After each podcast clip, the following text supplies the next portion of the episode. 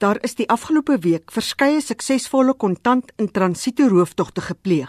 Die woordvoerder van die organisasie wat namens die banke die situasie monitor, Sabrik Louise Tordef, wou nie met monitor praat nie. Sy het wel toegegee dat die ekonomiese klimaat en hoër werkloosheid waarskynlik die toename veroorsaak. Maar Dr Henny Logner, 'n senior dosent aan die departement polisiepraktyk by Unisa, sê die rowers is meesters van hulle taak en dat die polisie hulle nie doeltreffend vervolg nie. Baie sterk van mening dat daar nie feite is wat voor die hof gebring kan word nie. En feite kom van inligting af. Inligting word verwerk na intelligensie wat later dan as feite voor die hof voorgehou word. So iemand doen iewers nie hulle werk nie. Logner sê dit is nie altyd dieselfde groep wat saamwerk in 'n rooftog nie. Mense word gekies volgens sy vermoë. Dis georganiseerde misdaad. So hierdie mense sal lank voor die tyd besluit en besin waar gaan hulle roof. Wat gaan hulle roof en wat het hulle nodig? So vandag het ons miskien 6 of 7 mense met outomatiese wapens nodig, dan sal hulle 6 of 7 mense kies waarmee hulle in 'n vorige geleentheid gewerk het.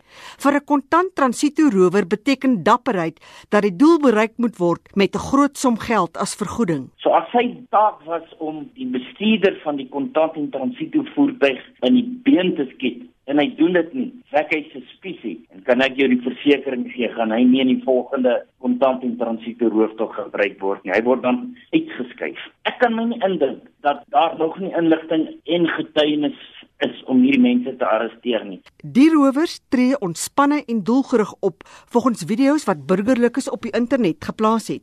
Hierin is dit volgens Logner duidelik dat die rowers nie bang is vir die polisie nie. Hoe hulle optree, sê dit vir jou iets is nie reg nie. Mens tree nie so op 'n toneel op as jy nie weet jy gaan nie gevang word nie. Ja, gaan 101. O, jy moet dit seker doen, hè. Het jy daai registrasienommer? Nee, ek kan nie kry nie. Uh, good afternoon. Uh, sorry man, I'm phoning on the way from Malalaan to Nelspruit. There's a cash in transit going on now. Yes, yes, and there's an explosion going off as well. So it's two BMWs. It's, I think it's three series. Okay, one is silver, one is white. Dit is die klank van twee burgerlikes wat aan die einde van Julie 'n kort video van 'n kontant in transito rooftog op die N4 pad in Mpumalanga op die internet geplaas het.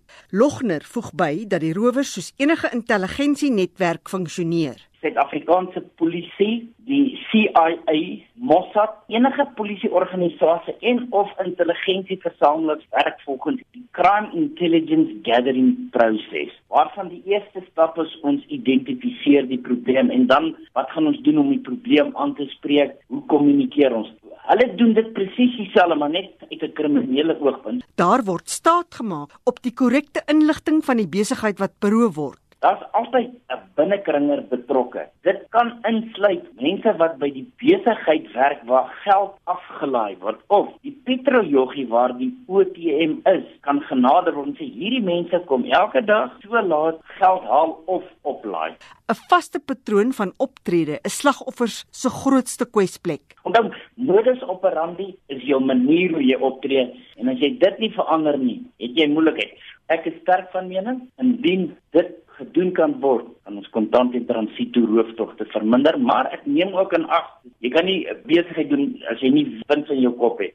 Die suksesvolle vervolging van die rowers is baie moeilik. Daar's soveel tegnieke wat die kontant en transito rower gebruik om indien hy gearresteer word, nie verhoor te word nie. As daar 10 mense gevang word, die saak word uitgestel, môre kry een ou borg en dan daag hy volgende keer nie op nie, dan kry nog een 'n borg. Na 3 jaar dan is daar niemand nie, want die saak kan nie verhoor word nie. Die beloning is net soos die risiko baie hoog vir die rowers en lok die bestes. Kom ons sê daar is 50 miljoen rand wat vervoer word. Ons is 10 rowers. Gee jou 5 miljoen rand. Ek dink ek moet 'n hele paar jaar by Unisa werk om daarby uit te kom. Dit is absoluut winsgewend. Logner beskryf kontant in transito rowers as vasberade mense. As hulle besluit het, ons gaan jou vandag roof, gaan hulle vir jou roof behalwe as daar sigbare polisieering is of as die helikopter van die polisie of die sekuriteitsmaatskappy in die lug is. Hierdie mense is die mees gevaarlikste rower in Suid-Afrika. Hulle word beskou deur ander misdadigers as die ultimate criminal.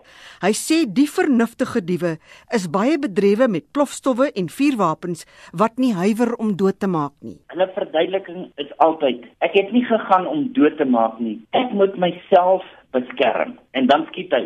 Jy hy beskou hom asof hy geroof word want dit is sy geld in die kontant en transito voertuig. Mense met wie ek onderhoude gevoer het, daar dwaalkoels is wat ander mense doodgeskiet het. Nee, hulle het geen genade nie. Dit was die senior dosent by die departement van polisiepraktyk aan Unisa, Dr Henny Logner.